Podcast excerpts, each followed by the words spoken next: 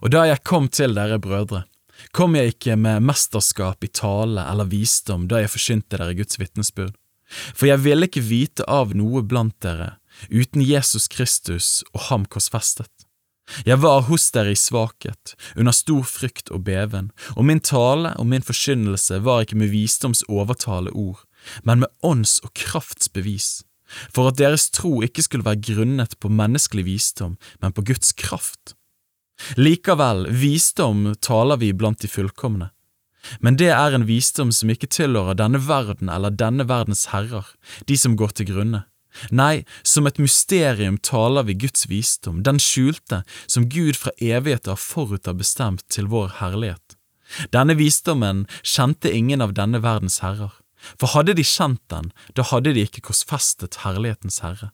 Men, som det står skrevet, det som intet øye har sett og intet øre hørt, og det som ikke kom opp i noe menneskes hjerte, det har Gud beredt for dem som elsker ham. Men for oss har Gud åpenbart det ved sin ånd. For ånden utforsker alle ting, også dybdene i Gud. For hvem blant mennesker vet hva som bor i et menneske uten menneskets egen ånd som er i ham?